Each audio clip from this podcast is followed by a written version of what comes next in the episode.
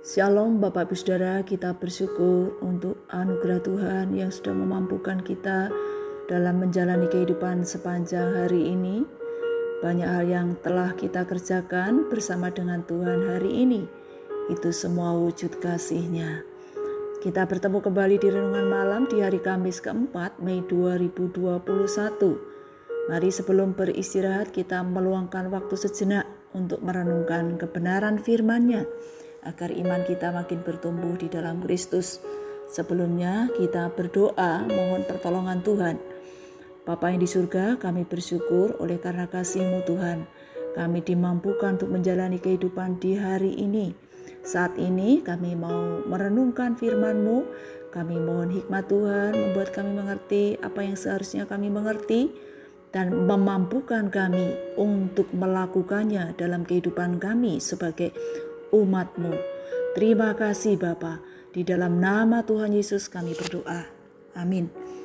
Tema renungan malam ini, tinggallah di dalam Yesus. Mari kita perhatikan dari Injil Yohanes pasal 15 ayat 4 dan 5. Demikian bunyi firman Tuhan. Tinggallah di dalam aku dan aku di dalam kamu, sama seperti ranting tidak dapat berbuah dari dirinya sendiri kalau ia tidak tinggal pada pokok anggur. Demikian juga kamu tidak berbuah jikalau kamu tidak tinggal di dalam aku. Akulah pokok anggur dan kamulah ranting-rantingnya. Barang siapa tinggal di dalam aku dan aku di dalam dia, ia berbuah banyak sebab di luar aku kamu tidak dapat berbuat apa-apa. Dalam bagian ini Yesus mengibaratkan dirinya adalah pokok anggur sedangkan kita adalah ranting-rantingnya.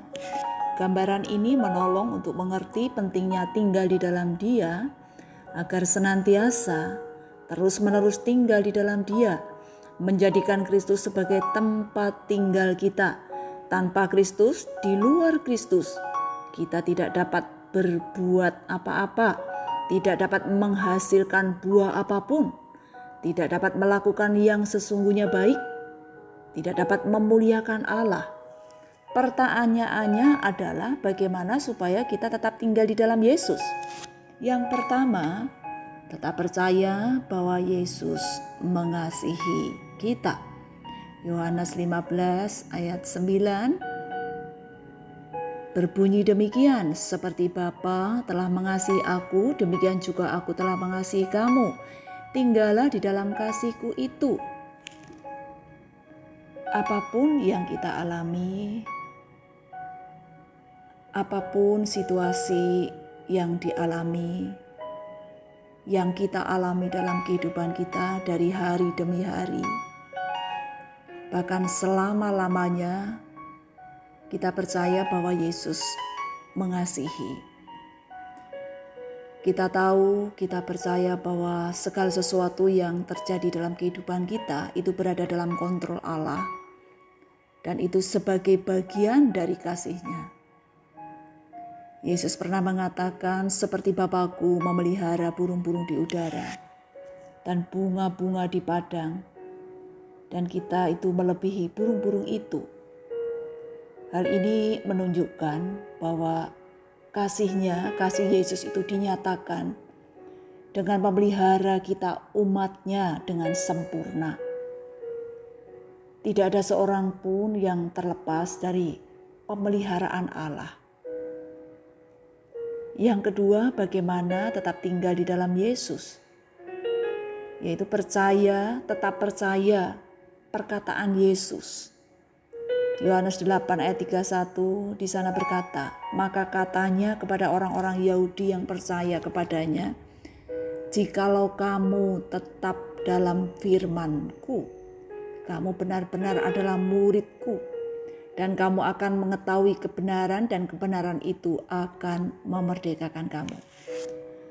Kata tetap tinggal dalam firmanku itu menunjukkan agar setiap orang percaya, setiap umat Tuhan, termasuk kita orang percaya di zaman ini, supaya tetap percaya yang Tuhan katakan tentang dirinya dan bapaknya dan pekerjaannya.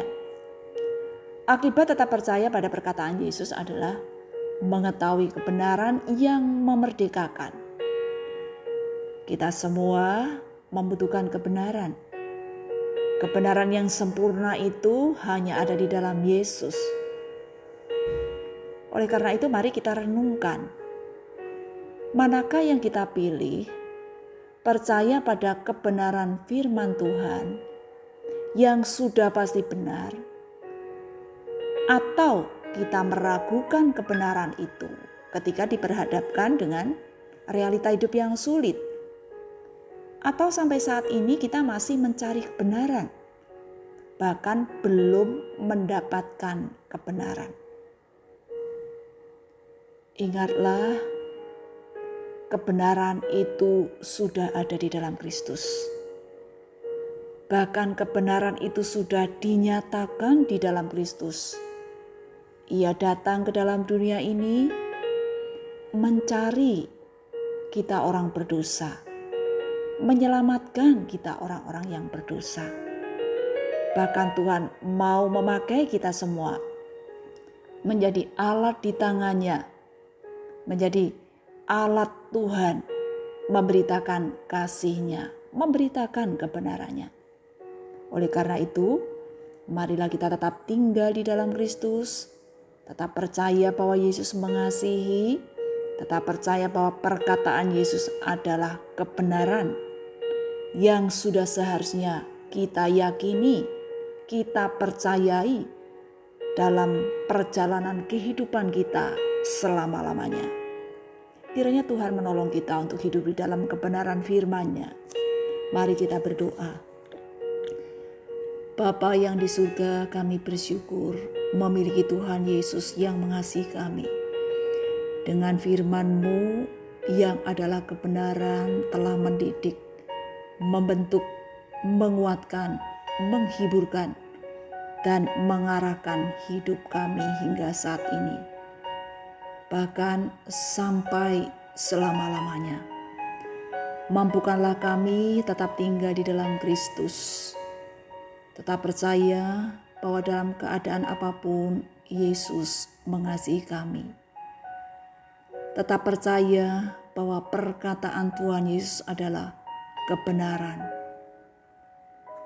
Tetap percaya bahwa firman Tuhan adalah kebenaran, dan kebenaran itulah yang memampukan kami dapat menjalani hidup dengan benar sesuai dengan firman-Mu. Bapa, kami menyerahkan istirahat malam ini kepada Bapa yang penuh dengan kasih dan kemurahan. Kami percaya dengan kasih-Mu esok hari dengan pertolongan kekuatan dari Tuhan.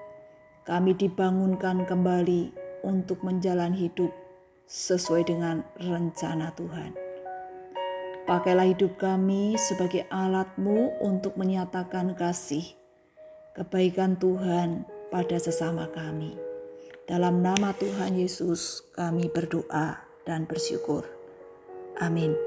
Bapak Ibu sekalian, selamat malam, selamat beristirahat. Tuhan Yesus memberkati. Amin.